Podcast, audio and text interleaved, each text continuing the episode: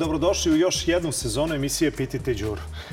Današnju emisiju ćemo početi sa e, nečim što se može nazvati problemi u lokalnoj samupravi i kako ih rešavati. Kao što ste već navikli već dugi niz godina, što na radiju, što na nekim drugim medijima, tako i u ovom podcastu bavimo se problemima običnog građanina. Dakle, ne idemo od opšteg ka pojedinačnom, već upravo suprotno. Dakle, nama je u fokusu pojedinac i zato ćemo se i u ovoj sezoni baviti vašim pitanjima, vašim problemima, a samo na početku da napomenem na koji način možete postaviti vaše pitanje. Tu je Viber broj 069 893 0023. Dakle, on je otvoren sa svih strana sveta i u bilo koje doba dana kada imate neku nedoumicu, neko pitanje, vi slobodno pošaljite ili poruku, a u vremenu uh, utorak od, 3, od 15 do 16 možete i pozvati. Naravno, tu su Facebook, Instagram i Twitter mreža Pitite Đuru ili e-mail na koji možete poslati vaše pitanje pititeđuru.nova.rs.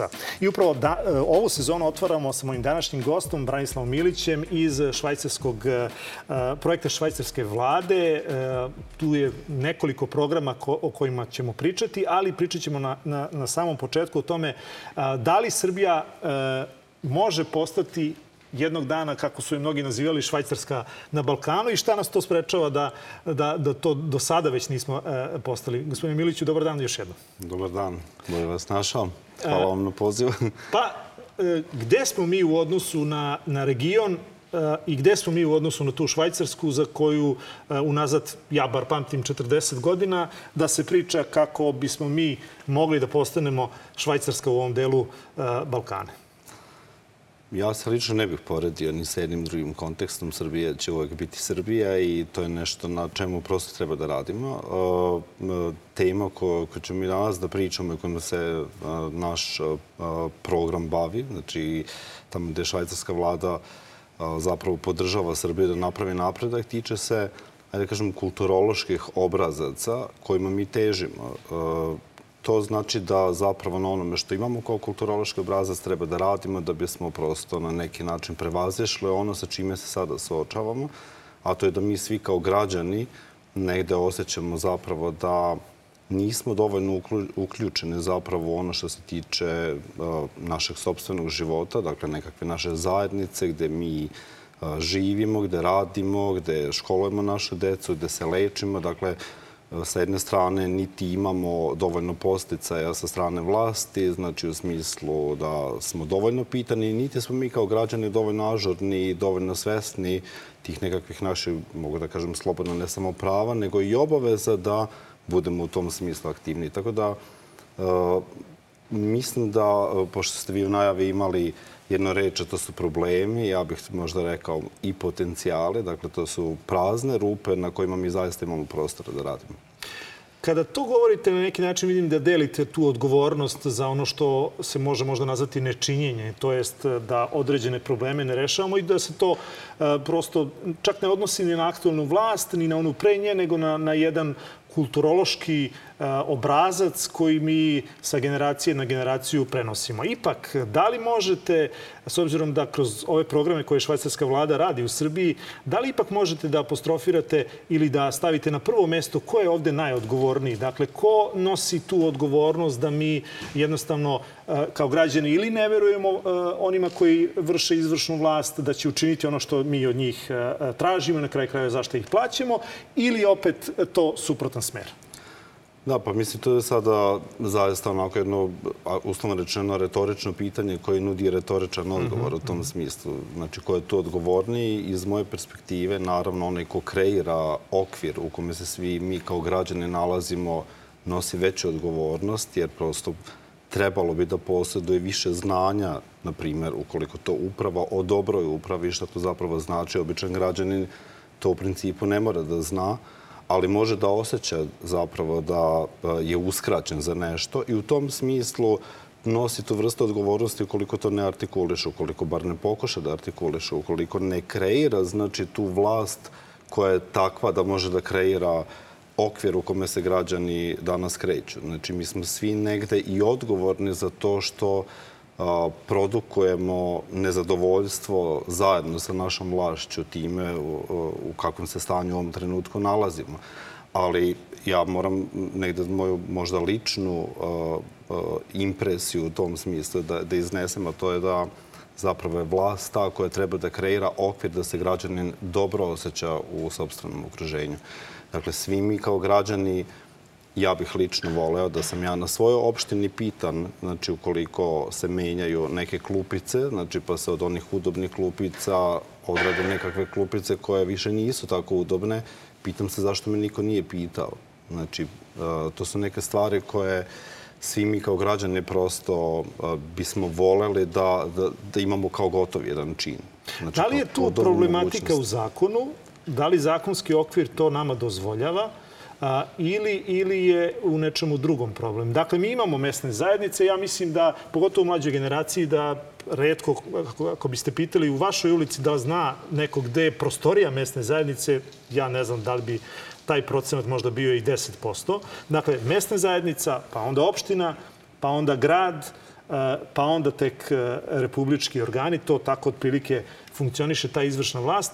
Možda u manjim mestima, vi ste radili u nekoliko gradova širom Srbije e, tako. projekte, Trstenik, Užice, Sombor, ili tako, ako, ako ne grešim još neki gradovi, možda je to izraženije. Ali u većim gradovima kao što su Beograd, Niš i Novi Sad, mislim da, da ćete se složiti sa ovom mojom tvrdnjom. Dakle, da li građani uopšte znaju na što imaju pravo? Pa ja bih rekao da građani ne znaju ni na što imaju pravo, niti znaju što su njihove obaveze. Znači, um, pitali ste me za zakone. Znači, da li je u pitanju zakonski okvir taj koji um, je u principu dobar ili loš ili kakav god da je. Mi smo pre dve godine, sad je to jedna mala digresija, ali čisto kao jedna ilustracija, imali smo jedno studijsko putovanje u Švedsku gde smo odveli predstavnike 44 lokalne samouprave, gde su uh, naši ljudi zapravo imali prilike da uh, komuniciraju sa ljudima iz lokalne samouprave Švedske. Jedno pitanje koje se neprestano ponavljalo tokom četiri dana jeste kojim je zakonima ili podzakonskim aktima ili kakvom je to regulativom regulisano da zapravo švedski donosioci odluka pitaju građane. Ljudi nas nisu razumeli šta ih zapravo pitamo. A čekajte, od tih 44 predstavnika, da li su to bili građani ili su to bili predstavnici lokalnih samouprava? To su bili predstavnici lokalne samouprava koji su pitali predstavnika lokalne samouprava u Švedskoj. I onda smo trećeg dana e, dobili jedan vrlo zanimljiv odgovor te nam je čovek onda rekao, mi vas ne, ja ne razumem što me pitate, zato što je to stvar koja ne mora da se reguliše. Normalno je da pitate ljude za to gde će se potrošiti novac kojim oni doprinose. Ovo nije moj novac kao gradonačelnika, ovo nije novac mene kao predsednika opštine, nego je novac kojim ja imam evo neku vrstu časti da možda upravljam, ali je to novac vas kao građana i normalno da ću da vas pitam za vaš novčanik gde planirate da potrošite ta sredstva. Tako da bih se ponovo vratio na onu prvu tezu na samom početku, da se je reč o kulturološkom obrazcu kod nas. Dakle, važno je da prosto naučimo da pitamo druge i da konsultujemo druge. Da li su to s jedne strane vlast koja ne pita građane ili građani koji takođe ne pitaju vlast lokalnu, naročito koje su to ingerencije lokalnih vlasti. Pa mi često imamo situaciju da građani negde za neke svoje personalne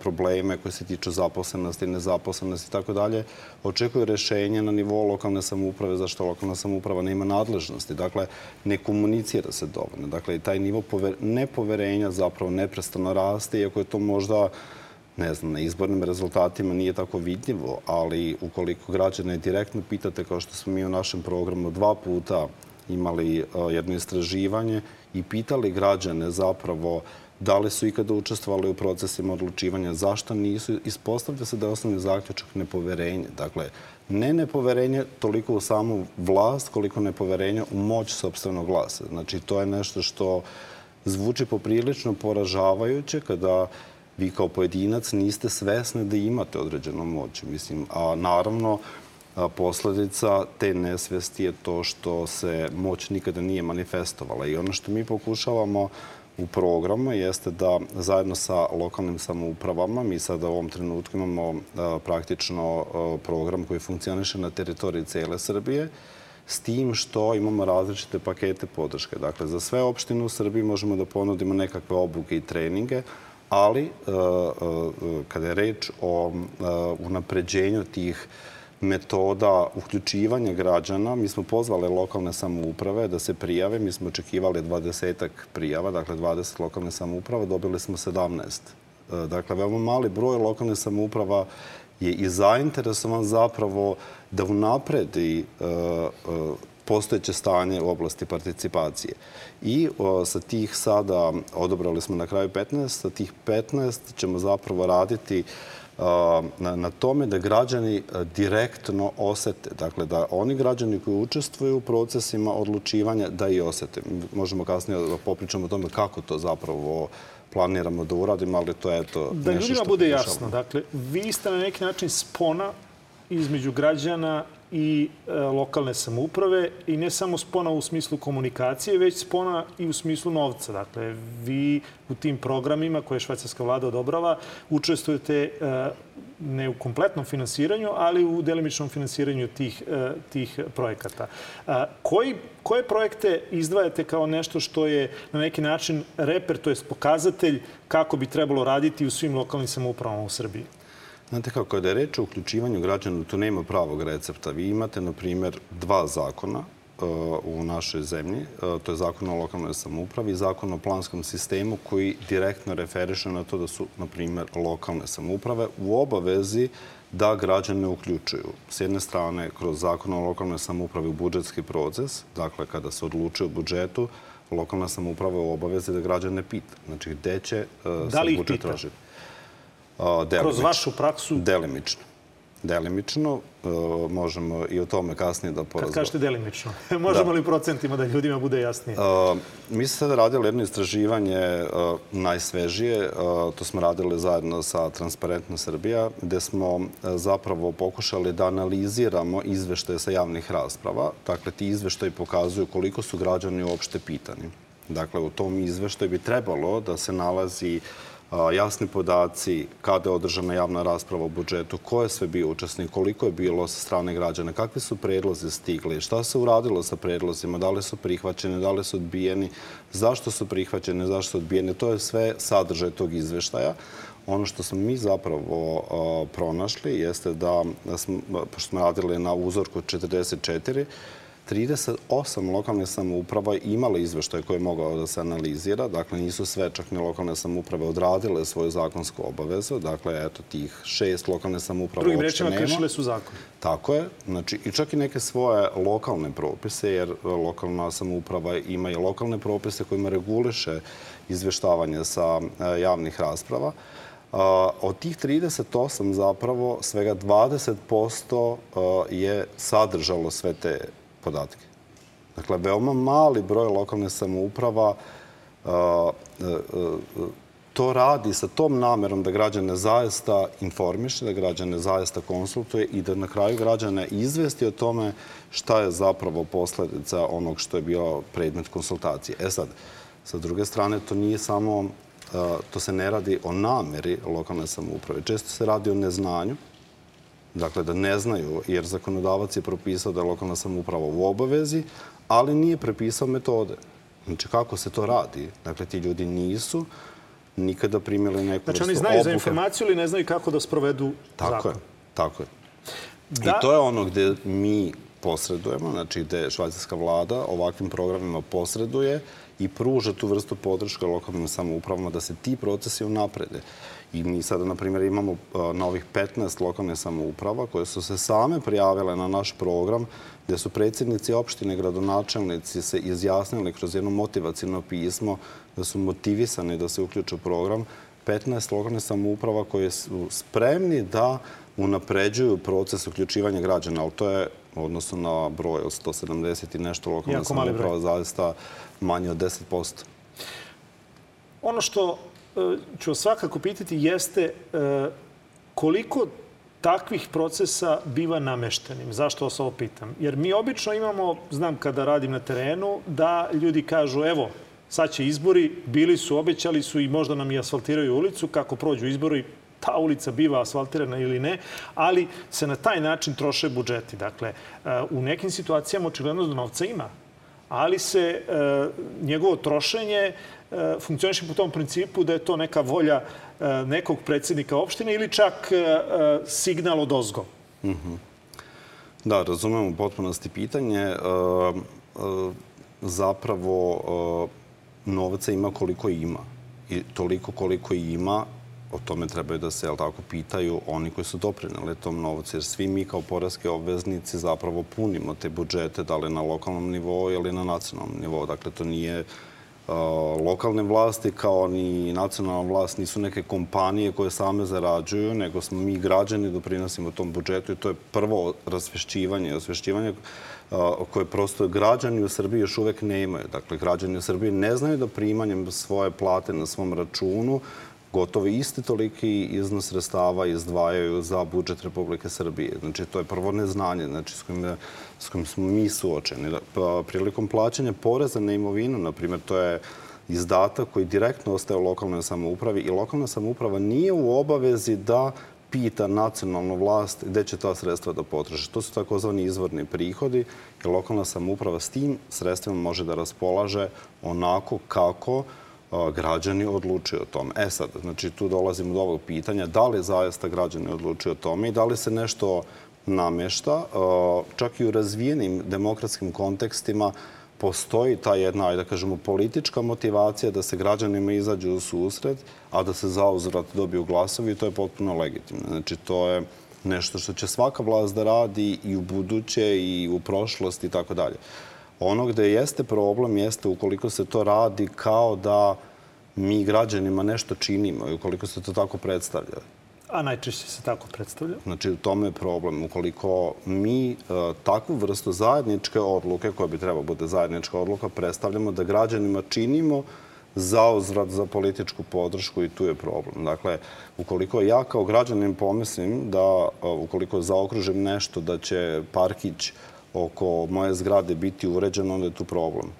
Ali ukoliko nagradim vlast zato što je uradila parkić, znači, zahvaljujući tome što me pitala, pa smo došli do toga da nam ne treba tamo neko naselje koje je elitno, gde košta kvadrat 7000 e, eura, nego nam treba možda zelena površina. Ako sam ja učestvovao u tom procesu i vlast je tako odlučila, onda ja kao građani imam apsolutno i legitimno pravo, možda čak negde i moralnu obavezu da takvu vlast nagradi. Znači, to je nešto što vlast može da koristi kao instrument, nažalost ne koristi ga na pravilan način i to je problem. E sad, e, bio sam u Švajcarskoj i e, svojim očima sam video kako ljudi u jednoj mesnoj zajednici odlučuju o tome e, gde će biti postrojenje za preradu smeća. Dakle, oni nemaju kontejnere, nemaju ni kante, prosto kao da nemaju smeća. Bar tako kada neko dođe sa strane, to je bio moj utisak. Mm -hmm. kada sam pitao prijatelji kod kojih sam bio, pa gde odlažete smeće, onda su mi oni pokazali. Dakle, to je jedna prostorija, jedan hangar, ajde tako da ga nazovem, gde e, e, svaki od stanovnika tog naselja, reč je o Luganu, e, dovozi svojim automobilom smeće i ostavlja, ostavlja i to deli to smeće na, na, na vrste smeća i to plaća Kada ostavlja to, on to plaća. I taj domaćin mi je rekao da su se svi o tome saglasili, da je postala neka vrsta referenduma. Ne mogu sada da tvrdim da li on bio obavezan, ali, ali da velika većina građana i tekako se odaziva na takve stvari. Dakle, oni se odazivaju na takvu jednu stvar koja možda iz ugla neko ko živi u Beogradu deluje banalno, ali e, kada odete tamo i kada to vidite kako to sve funkcioniše, onda ja mislim da to nije banalno. Koliko nama treba vremena i koliko, šta sve treba da se desi da mi dođemo do, do tog nivoa svesti, rekao ste malo pre da je to deo kulture, ali da dođemo do tog nivoa da zaista mi moramo biti pitani i da ćemo mi odlučiti o tome da li će kontejner biti ispod prozora ili će biti u nekom prostoru gde neće nikom smrdeti. Znači šta, ja mislim da taj proces ne mora da traje tako dugo. Ja mislim da građani imaju kapacitet da se u relativno kraćem roku prilagode nekim drugačijim principima funkcionisanja, možda nekakvog ajde da kažemo, snažnijeg osvrta na zajedničke interese, dakle ne samo na individualne interese. Nažalost, mi svi koji živimo u Beogradu to vrlo dobro znamo, ukoliko ste u stambenoj zgradi da zona vašeg interesa je do praga vaših ulaznih vrata, odatle počinje neka nova interesna zona u kojoj vi možete da učestvujete ili ne morate da učestvujete i nemate nikakve sankcije zato što nećete da učestvujete. Dakle, prosto sistem je tako postavljen da nekako funkcionišemo individualistički. Mi ne moramo da idemo čak ni do Švajcarske. Znači imamo i evo primjer u Hrvatskoj, za koje ja znam, gde su ljudi se vrlo brzo prilagodili nekim sistemima oko reciklaže, dakle, do pre samo nekoliko godina. To se takođe ni u Hrvatskoj nije radilo kao ni u Srbiji. Hrvatska je još uvek u statusu, prelaznom statusu kada je ta oblast u pitanju i priključenje Evropske unije. Dakle, nije još uvek potpuno integrisano ono što je evropski sistem u oblasti zaštite životne sredine, nego se još uvek prilagođava ali ljudi su se već navikli i vi možete koristiti razne alate, znači u koje možete da uključite i velike lance prodajne, na primjer tamo je Lidl uključen gde vi imate postavljene kontejnere ukoliko odnesete flaše na kojima je na etiketi piše vrednost plastične flaše, na primjer, Nešto vjerojatno, video sam to i kod nas. Eto, znači, odete tamo i ljudi su motivisane da takve stvari rade. Znači, u jednom momentu, naravno, prestaće plaćanje za takvu vrstu ajde kažemo, neke društvene obaveze, a to je da odnesete to svoje smeće negdje i da vam niko za to ne plaća, nego da kao u Švajcarskoj vi plaćate i budete dovoljno svesni da ste doprinele zapravo društvu time što ste uklonile smeće, kao što i svi plaćamo, ali tako, smeće, zašto ne bismo platili i to da smo odneli ovaj, tu plastičnu bocu ili limenku negde i takođe platili kao što plaćamo smeće. Znači, to su faze kroz koje uh, jedno društvo prolazi i ja mislim da u nekim temama, konkretno životna sredina, ja mislim da mi već imamo dosta senzibilisano društvo po tom pitanju, nažalost, uh, inspirisano nekim vrlo ekstremnim primerima, kao što je primer Rio Tinte i tako dalje, da su se ljudi zaista uplašili i mi svi, znači kao građani, možemo da osetimo dane i da ih vidimo dane kada možemo da dišemo i dane kada zaista ne možemo da dišemo, kamali da se bavimo sportom na otvorenom i tako dalje kada štitimo svoju decu, kada se plašimo ambijenta u kome živimo, kada poželimo da smo u Švajcarskoj, a ne u Beogradu. Znači, to svi kao građane osetimo. ali ja zaista negde mislim da u tom smislu to kulturološko prilagođavanje može da ide brže. Tako da, Mislim da nam ne treba toliko vremena koliko mislimo da je to negde na nekom dugom štapu, ukoliko bi se zaista neki konkretni poteze povukli. Kad pominjete konkretne poteze, u nekoliko gradova ste završili projekte. Šta je ono što građani najčešće traže? Dakle, kada ih e, lokalna vlast pita zašto se najčešće odlučuju da potroše novac iz lokalnog budžeta. Naravno, to nisu da se razumemo, to nisu enormne pare u smislu asfaltiranja svih ulica u određenom gradu, ali, ali za ono zašto imaju. Uh, iskustvo iz našeg programa pokazuje da postoje u Srbiji neka dva modela kojima lokalne samuprave se rukovade. Jedan je više uh, prilagođen severu, dakle Vojvodini, a drugi je više prilagođen centralnoj Srbiji. Znači, opet pričamo o kulturološkim razlikama. Ja bih rekao, da, zaista, zato što a, ono što smo primetili u vojvođanskim opštinama, da se uglavnom radi na tom jednom, to se zove širi pristup uključivanju građana, a to je da mi građane pozovemo da se izjasne o svojim prioritetima, znači pa onda građane šalju različite predloge, pa onda se u lokalnoj samupravi radi neka trijaža iz lista s jedno tri do pet projekata i to se građanima da na glasanje i onda građani biraju zapravo koji od tih projekata će uh, jedan, dva ući u budžet i isfinansirati se u narednoj budžetskoj godini.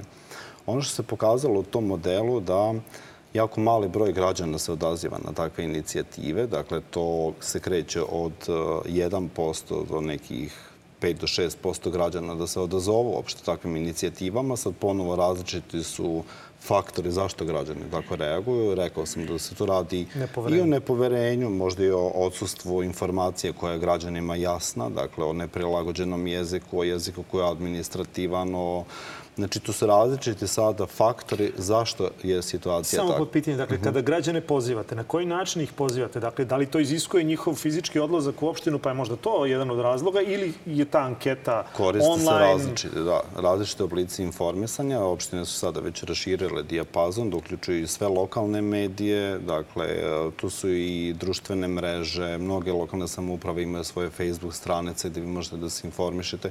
Dakle, sad je to prilagođenije različitim korisnicima u medijskom spektru i može se lakše možda doći do informacije iako niko od nas nije nešto preterano navikao da ulazi na Facebook stranicu svoje opštine ili da prati opštinu preko njenog web sajta, osim ukoliko nam nešto konkretno ne treba, to je matični list ili neka neki servis koji nam u tom trenutku treba. Dakle, ne imamo ni tu, kako da kažem, ni ambiciju, ni kulturu da redovno pratimo šta je to što se objavljuje ovaj, od strane lokalne samouprave.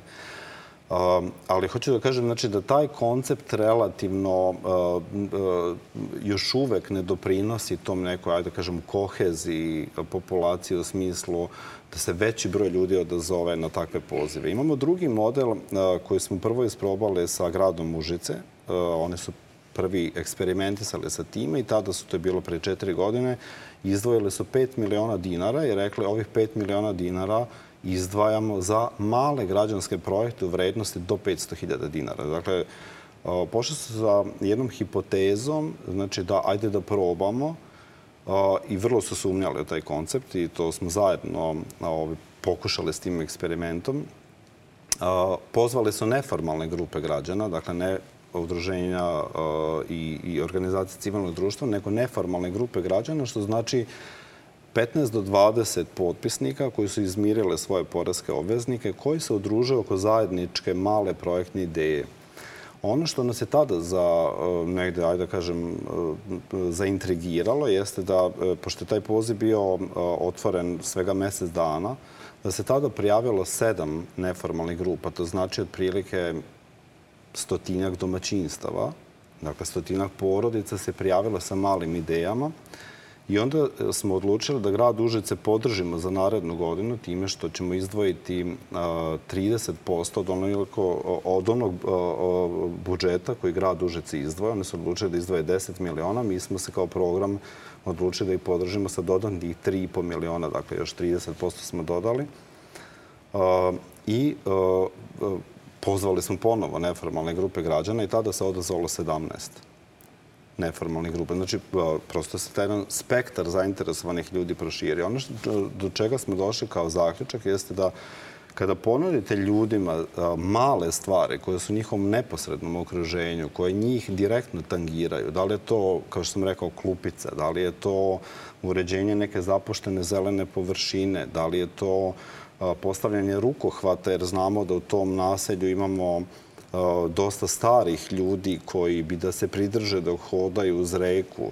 Da li je to betonska ploča oko, oko naše zgrade, jer nam u podrum ulazi voda. Mislim, to su male stvari, male investicije za koje su građani vrlo direktno zainteresovani i gde najbolje osete da se zapravo nešto dešava u njihovu korist. Jer meni kao građanin je veoma teško da se izjasnim o prioritetu za Pančevački most, na primjer u Beogradu, jer ne živim pored njega. Iako sam svestan, znači, Problema, njegove da. važnosti, probleme i tako dalje i posledica stanja u kome jeste, potencijalnih, ali s obzirom da živim u drugom kraju grada, nisam siguran da bi to bio moj prioritet.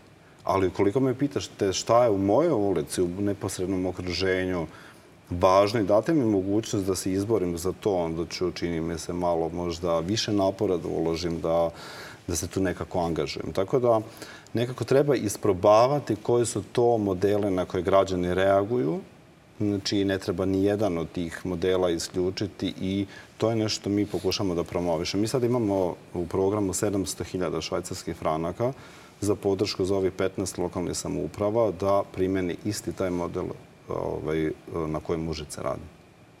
Tako da... Ja bih se vratio na ovu, na ovu reč nepoverenje koju ste na početku e, pomenuli.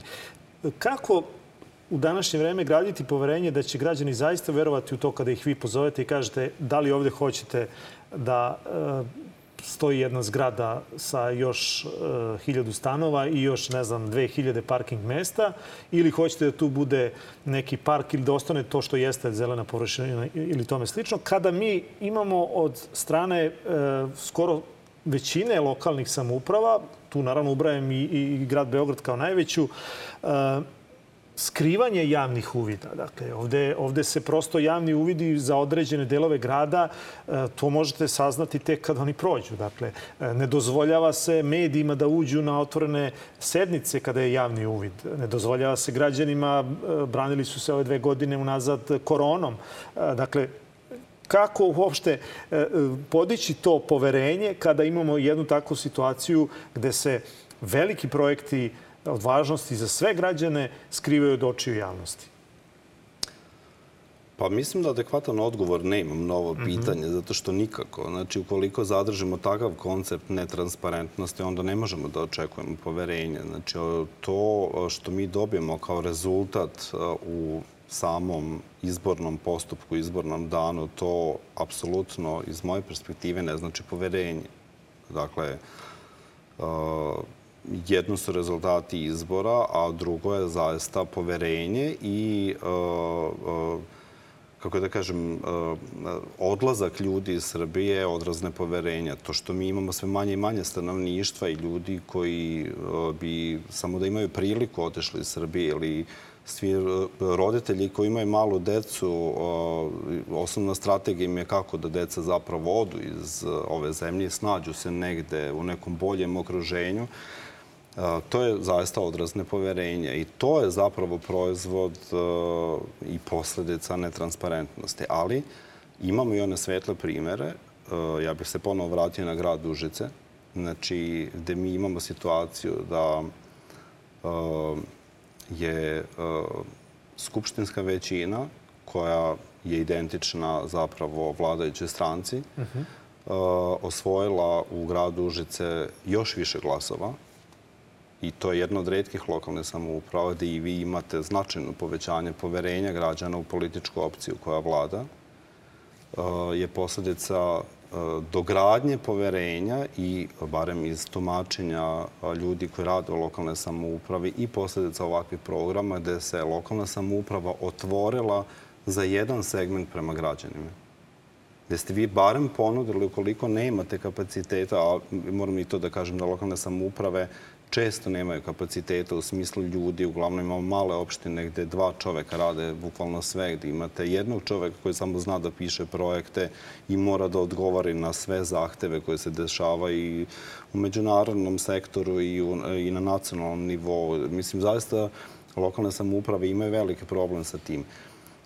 I ukoliko vi zapravo se otvorite za barem jedan mali segment u lokalnoj samoupravi, da, da, pokažete građanima da brinete o tome što je zapravo njihov glas i njihov interes, mislim da to može da se odrazi pozitivno i u političkom smislu i da je to možda nekako ajde da kažemo, mi zaista u programu koristimo grad Užice da, da pokažemo da se može. Zaista se može. Mislim, i bez kolizije sa tim e, šta su naše i političke ambicije i šta su e, nekako politički rezultati, e, može da se uradi nešto za korist građana. Mislim, ja sam lično imao situaciju da sam sa jednim većnikom u gradu Užice, koji zapravo rukovodi celim tim procesom, da smo išli prema autu, prišao je većnik koji je iz opozicijne stranke i pitao ga, znači konkretno za taj program, kada se planira objavljivanje, evo tamo jedna grupa ljudi koji su zainteresovani za to i to ljudi su komuniciralo na temu konkretnih konkretne podrške građanima. Mislim, to je se dešavalo pred mojim ušima i to nije nemoguće to ono što hoću da Branislav, hvala vam puno na, na izdvojenom vremenu na gostovanju. E, ja nekako mogu da izvedem možda zaključak e, da nije samo politika ova visoka o kojoj svi svakodnevno pričamo, već da je politika sve ono što nas okružuje e, i, i svaki parkić i svako ovo asfaltiranje i popravljanje ploča koje su propale unazad 30 ili 40 godina o kojima skoro da niko ne brine. I na kraju krajeva treba se u suštini osvrnuti svako od nas pojedinačno bi trebalo da se okrene oko sebe i da bude malo odgovorniji prema svojoj okolini i zaista se slažem sa onim što ste malo pre rekli da se taj svet tako i ambiciozniji, da se taj svet ne, ne, ne završava time kad zatvorimo naša vrata stana i tu svet prestaje da ono oko nas e, ne funkcioniše, jer naši očevi majke nas, e, ja mislim, e, pokazuju nam sasvim suprotno i nekako ove mlađe generacije koje su došle, niko više neće da bude ni predsednik Skupštine stanara, neće ošto da se angažuje za jedno opšte dobro, već samo da je njemu onako podobno kako je u njegovom stanu i to je to. Hvala još jednom na izvojenom vremenu. Mama i e, na, na ovoj priči današnjoj. A i vi, naravno, uključite se i vi, nemojte biti neaktivni, zato pozovite ukoliko imate neko pitanje ili neki problem 069-893-0023, to je Viber broj, ili pišite na Facebook, Instagram ili Twitter mrežu Pitajte Đuru ili na e-mail adresu pitajteđuru.nova.rs. Još jednom vas pozivam da svakog utorka od 15 do 16 e, se uključite ili pratite e, podcast Pitajte Đuru na portalu nova.rs. you